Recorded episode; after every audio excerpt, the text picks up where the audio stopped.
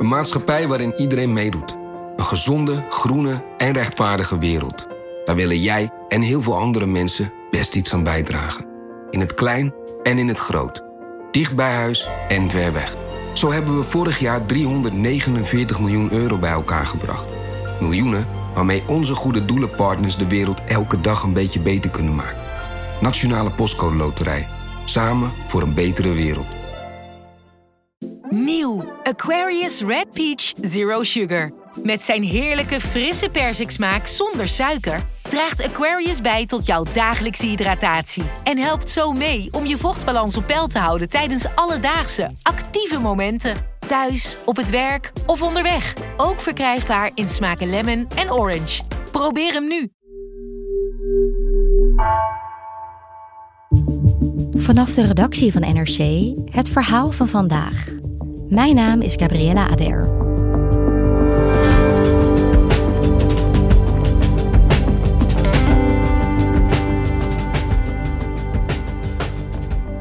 Slechte zorg leveren, maar wel voor duizenden euro's uitbetaald krijgen.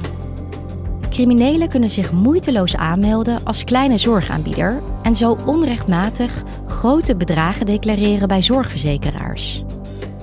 Redacteur Bram Endendijk bezocht een echtpaar dat slachtoffer werd van zorgfraude.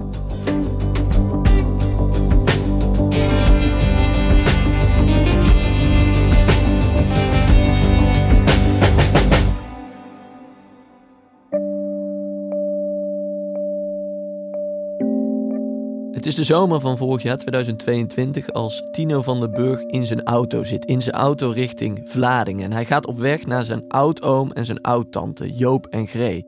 Mijn oudtante is het eh, jongere zusje van mijn oma. En vroeger ging ik uh, altijd met haar twee keer per jaar de verjaardagen af. En die mensen die kwamen bij mijn oma over de vloer. En dat doet hij omdat hij de afgelopen maanden van zijn oma...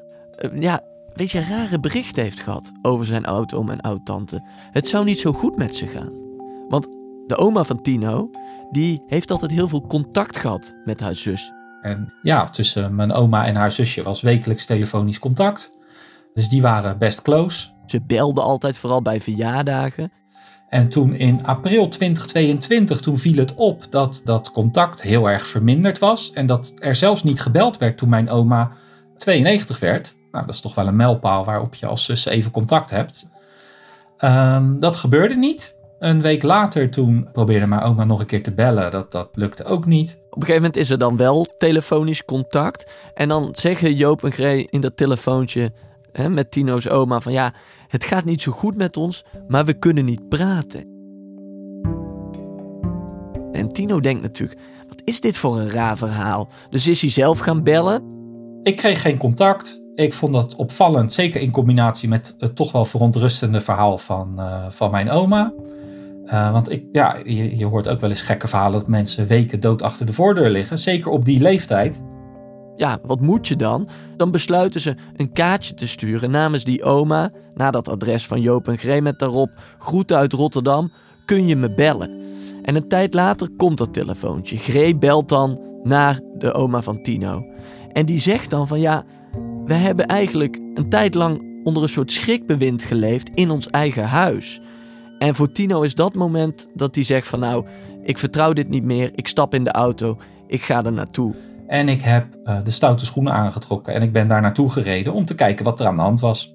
En Tino zit dus in die auto in de zomer van 2022 ja, en rijdt dus naar zijn oom en tante toe om gewoon er zelf achter te komen van wat is hier nu aan de hand? En hij komt daar dus aan en alles zit dicht. Dus de ramen, de vitrages. Hij belt de politie omdat hij denkt, ja, niemand doet open en ik moet toch iets. En de politie komt dan en vertelt hem, wij zijn hier een aantal weken geleden al geweest. We kunnen nu nog niet precies aan jou vertellen waarom, want we weten niet precies wie je bent. Maar ze lopen wel met hem mee naar boven richting de deur van die flat van zijn oom en tante. En uiteindelijk ging de deur op een kiertje open. En wat ik daar zag, zal ik mijn leven niet vergeten, want daar stonden twee uitgemergelde oude bange mensen te trillen. En pas als hij zegt: Ik ben Tino van uw zus, vliegt zijn tante hem om de hals. En laten ze hem binnen en komen bij Tino ook de emoties. Dat uh, zal ik nooit vergeten. Nee, dat was heel, uh, Heel heftig, heel emotioneel. Want hij ziet, ja, mijn oom en tante die je ken als een scherpe vrouw en een, een stoere stuurman van een sleepboot in de haven vroeger, die zijn onherkenbaar veranderd. Wat is hier in hemelsnaam gebeurd de afgelopen tijd? Nou, ze waren geen schim meer van de mensen die ik uh, in mijn hoofd had. En uh, uh, bang en achterdochtig. En ze keken moeilijk het felle zonlicht in. Dat, dat, dat, moment vergeet ik. Ik vergeet de hele situatie nooit meer. Maar dat moment was echt. dan, dan denk je echt dat je in een slechte film gestapt bent. Ja, heel onwerkelijk. Sterk vermagerd, een schrikbewind, ze kunnen niet praten. Dat klinkt allemaal niet goed. Wat is er met hen gebeurd? Ik ben de afgelopen maanden bezig geweest met dit verhaal. Daarvoor heel veel betrokkenen gesproken, verslagen ingezien. En het beeld dat daaruit naar voren komt is dat deze twee oude mensen, diep in de tachtig, te maken hebben gekregen met een zorgaanbieder die maandenlang bij hen over de vloer is geweest. Die volgens betrokkenen hele slechte zorg heeft geleverd. En ik ben voor dit verhaal ook bij deze twee mensen geweest, bij Joop en Gree. Als de bel gaat, loop ik naar de bel. Dan zak me op mijn hart en keel wie wie belt. Ik ben niet bang om de deur open te maken. Maar het is wel, uh, geef wel een druk op je natuurlijk. Dat was november dat ik bij ze was. Uh, en inmiddels zijn we natuurlijk een paar maanden verder en is kort geleden Grey overleden. Martino, hun neef, die wil wel heel graag dat we dit verhaal alsnog vertellen omdat hij zegt van ik wil gewoon dat duidelijk wordt wat er kan gebeuren hè, in, in een extreem geval als een zorgverlener maandenlang ja, bij oude mensen over de vloer komt. Ja, want ze zouden eigenlijk juist natuurlijk verzorgd moeten worden door die hulpverlener. Hoe is die verzorger daar dan terechtgekomen bij Joop en Gree? Nou, in maart zijn Joop en Gree uh, in het ziekenhuis beland voor een aantal controles. En dan krijgen ze wijkverpleging toegewezen. Dus iemand die thuis uh, nou ja, kleine uh, handelingen verricht, verpleegkundige handelingen of persoonlijke verzorging, dat soort dingen. Zij hadden zorg nodig in de vorm van helpen met dagelijkse verzorging, wassen, aankleden, steunkousen aandoen, maar ook medicatie innemen. Dat ging zelfstandig niet goed. Uh, drie keer per dag de juiste maaltijd naar binnen krijgen. En het ziekenhuis zegt van ja, het gebeurt wel vaker dat we dan zoeken naar iemand die thuiszorg kan verlenen hè, voor mensen die dat nodig hebben. Vaak zoeken ze dan naar een zogeheten gecontracteerde aanbieder, dus waarmee de zorgverzekeraar een contract heeft. Dat was hier niet het geval. Um, dan heb je dus een ongecontracteerde aanbieder. En ja, ze zeggen ook, het ziekenhuis, van vaak is het door tekorten en wachtlijsten heel erg moeilijk voor patiënten om thuiszorg te regelen. Dus als er dan ja, een bedrijfje is dat dat kan doen, ja, dan, dan gebeurt dat misschien ook. Het gaat hier om een klein zorgbedrijf dat in Vladingen zit. De directeur is ook degene die de thuiszorg levert. Dat is een vrouw en die is zo'n vier maanden bij hen in huis geweest. En DSW, dat is de zorgverzekeraar van deze mensen, die start nadat Tino dus ja, uh, bij die flat is geweest, een onderzoek. Naar, van, naar wat is hier nu gebeurd? En uh, uit verklaringen in dat onderzoek van onder meer de politie, de psychiater en de huisarts blijkt dat deze zorgverlener eigenlijk heel lang de zorg niet heeft geleverd die deze mensen nodig hebben. Dus medicijnen worden niet goed gegeven. De zorgverlener is volgens betrokkenen ook meerdere keren gewoon vertrokken, terwijl ze daar wel zou moeten zijn. En andere zorgverleners, waaronder de huisarts en psychiater, wordt de toegang tot de woning ontzegd. Met andere woorden, ja, slechte zorg. En Joop en Gree hebben zelf tegen mij verteld en tegen hun neef Tino dat ze zelf soms niks te eten hadden in dat huis. Ze liet ons veel ook alleen met de deur op. Dat je wel alleen was zonder maar in de brood om brood, zoek het maar uit. Want ja, het is niet uit te leggen.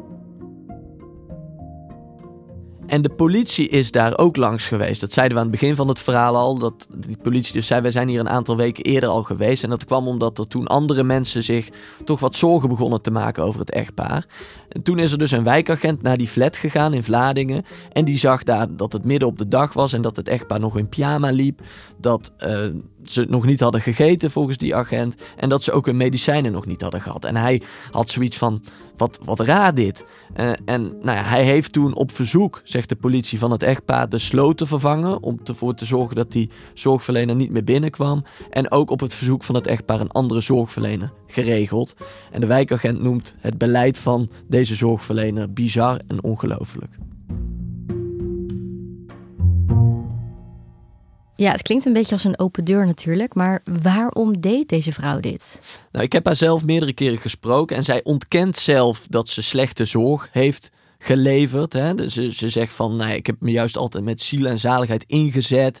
Dus uh, ja, dit klopt allemaal niet. Dat is eigenlijk wat zij zegt. Zij zegt ook dat doordat de politie langskwam bij dat echtpaar, dat ze soort van geïndoctrineerd zouden zijn. Dus dat doordat de politie langskwam, dat ze dachten dat, nou ja, dan zal de zorg wel niet goed zijn. Dat is haar verhaal daarbij. Maar ze declareert wel geld voor die zorg. En dat gaat om 26.000 euro die uiteindelijk terechtkomt bij zorgverzekeraar DSW. Dus die zouden dat uiteindelijk moeten betalen. Maar daarnaast zijn er ook nog facturen opgemaakt voor, zoals dat heet, particuliere zorg. En dat is dus zorg die het echtpaar dan zelf zou moeten betalen. Het is onduidelijk of dat ook daadwerkelijk is gebeurd. Maar dat gaat om ruim 43.000 euro. Zo, dat zijn echt bedragen. Dat zijn grote bedragen. Uh, dat het in één maand, in april, zou het dan gaan om 150 uur verpleging. Dus extra eigenlijk. Voor uh, eh, 76 euro per uur. En dan valt al die zorg onder het duurste tarief. En betrokkenen zeggen van ja, het is wel opvallend dat alles wat zij heeft gedaan in die maand onder het duurste tarief valt. Terwijl bijvoorbeeld het geven van medicijnen niet per se onder dat hoge tarief valt, maar dat kan vallen onder het lagere tarief van persoonlijke verzorging. Dus daar worden ook vraagtekens bij gesteld. En het lijkt er dus op dat dat onterecht is uitgekeerd. Nou ja, dat, dat wordt glashelder geconcludeerd door zorgverzekeraar DSW. Zij vorderen 20.000 euro terug hè, van die zorg die uiteindelijk bij hen is terechtgekomen. Um, omdat uit verklaringen van meerdere mensen blijkt dat op het moment dat die zorgverlener zegt aanwezig te zijn, ja, dat er volgens die verklaringen dat ze ergens anders zou zijn geweest. Dus op basis daarvan zeggen zij van dit, dit klopt niet en we willen dat geld terug. Daarnaast doen ze ook aangifte, uh, want ze zeggen van er moet hier een strafrechtelijk onderzoek komen naar wat hier is gebeurd. En de reden waarom we dit verhaal vertellen is omdat dit geen uniek incident is. Hè. Dit is natuurlijk heel schrijnend om dit allemaal zo te horen. Maar zorgverzekeraars die luiden al langer de noodklok. Die zeggen van ja, we zien gewoon dat door een soort gat in de heg, een soort ja, manier wat, waar wat aan gedaan moet worden, dat criminelen gewoon heel makkelijk zorgbureautjes kunnen oprichten. Vooral kleine zorgbureautjes. En via die zorgbureautjes is het heel makkelijk om duizenden euro's op te strijken over de rug van, laten we zeggen, de zwakkeren van deze samenleving.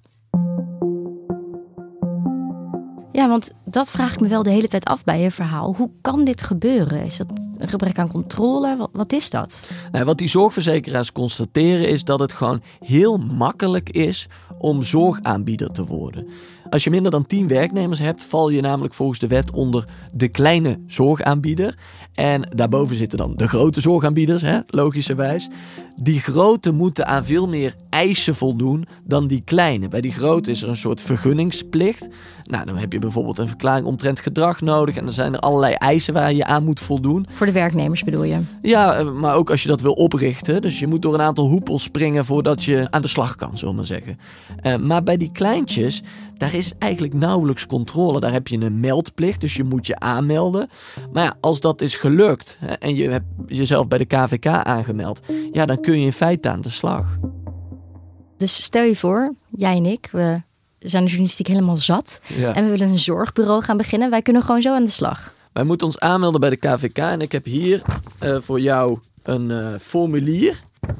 Uh, formulier meldplicht staat erbij. Nou ja, deze vraag, hier zijn ze. Als we die invullen, ja, dan, dan, zijn we, dan zijn we er. Ja, dus dat is gewoon eigenlijk een lijst met vragen die je moet invullen. En dan kunnen wij zorgleverancier worden. Ja, in, in feite wel. En, en wat die zorgverzekeraars zeggen is van ja, het is al duidelijk dat criminelen of mensen die kwaad in de zin hebben dit weten. Hè, dat het makkelijk is om een kleine zorgaanbieder te worden uh, en daar ook geld mee te verdienen. Over de rug natuurlijk van mensen die ja, waarvan je zou willen dat ze gewoon zorg krijgen. En zij zeggen bijvoorbeeld, je ziet ook dat er die kleine zorgbedrijfjes staan ingeschreven uh, op een adres waar een garagebox zit, bijvoorbeeld. Oh, hè? En dan weet je van, ja, dit is geen echt bedrijf, maar dat, dat is in de papieren werkelijkheid wel gewoon een, ja, een legaal zorgbedrijf. Ja, en heb je enig idee hoe vaker op deze manier gefraudeerd wordt of voor hoeveel geld dat, dat gebeurt? Ja, het is altijd moeilijk om te bepalen voor hoeveel geld iets gebeurt wat je natuurlijk niet weet. Hè? Dat is altijd met criminaliteit een probleem. De, de, schattingen lopen ook nogal uiteen. Het gaat van tientallen miljoenen euro's per jaar tot sommige schattingen zeggen enkele miljarden per jaar. En waar ligt die schade dan vooral? Bij de zorgverzekeraars? Nou ja, onterecht uitgekeerd geld. Hè? Dus mensen die dus onterecht geld krijgen voor zorg die ze geleverd zouden hebben. Dat, daar hebben we het dan over. We weten natuurlijk dat, dat de zorg al heel veel geld kost. Dus je zou kunnen zeggen, elke euro die onterecht wordt uitgekeerd aan zo'n kleine zorgaanbieder.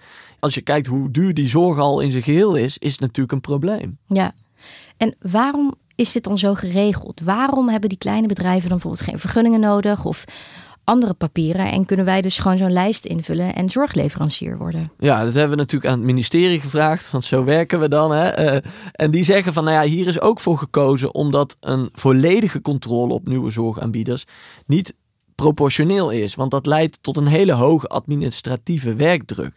Want het is natuurlijk zo dat niet alle kleine zorgbureaus, nou ja, dat daar allemaal criminelen zitten die, uh, die zeggen: laten we, laten we het even iedereen helemaal leeg trekken en we doen net alsof we zorg leveren. Zo zit het niet.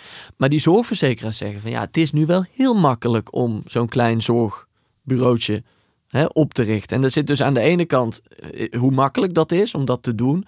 Maar ze zien ook van op het moment dat wij dan constateren dat er iets niet in de haak is, kunnen we eigenlijk bijna niks. Dus er staat nauwelijks straf op, zien ze in de praktijk. Hoe kan dat dan? Waarom, waarom zijn er zo weinig strafrechtelijke consequenties? Nou ja, je moet eerst natuurlijk aantonen dat er gefraudeerd is. Dat is stap 1. Uh, elke verzekeraar heeft een soort uh, speciaal fraudeteam. Maar je ziet bijvoorbeeld dat ze dat onderling kunnen ze dat niet echt uitwisselen vanwege de privacywetgeving. Dus het onderzoek gebeurt heel versnipperd. Daarnaast, als ze dan fraude constateren, die verzekeraars, ja, dan is het heel moeilijk in de praktijk om dat geld terug te halen. Want vaak is dat geld er niet meer. Dat is dan verdwenen naar een andere bankrekening. Uh, je kan ook alleen maar datgene terugvorderen wat, nou ja, wat je hebt aangetoond waarmee is gefraudeerd.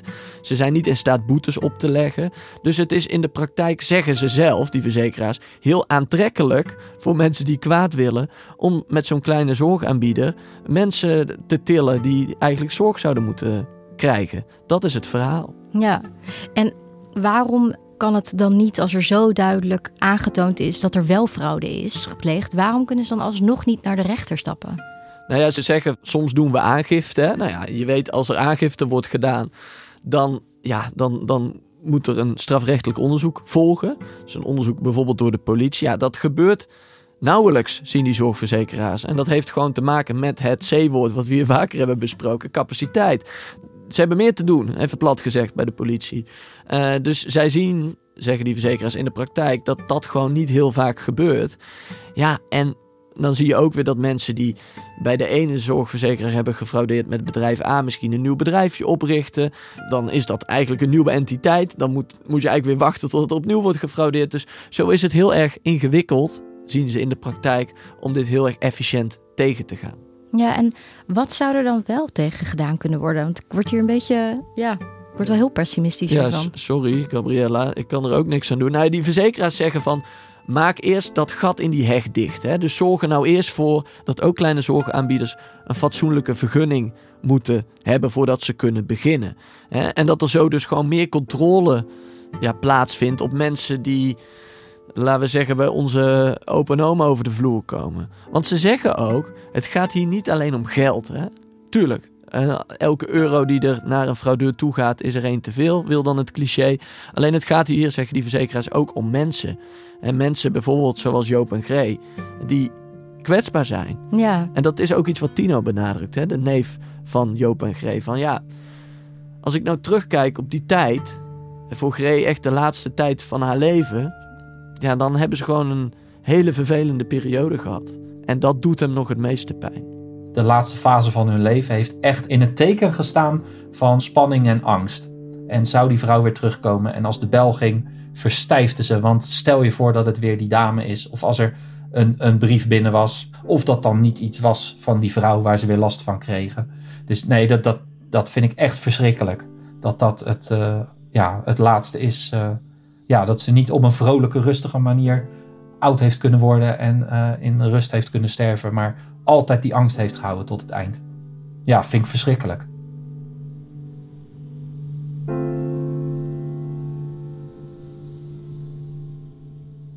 Dankjewel, Bram. Graag gedaan.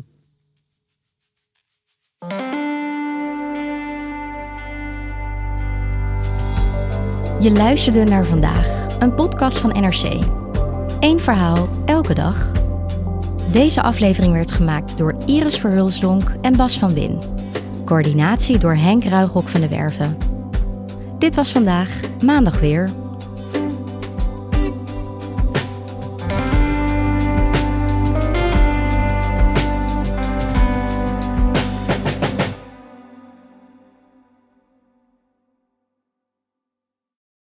De financiële markten zijn veranderd, maar de toekomst, die staat vast.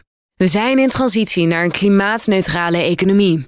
Dit biedt een van de grootste investeringskansen van onze generatie. Een kans voor u om mee te groeien met de pioniers van morgen.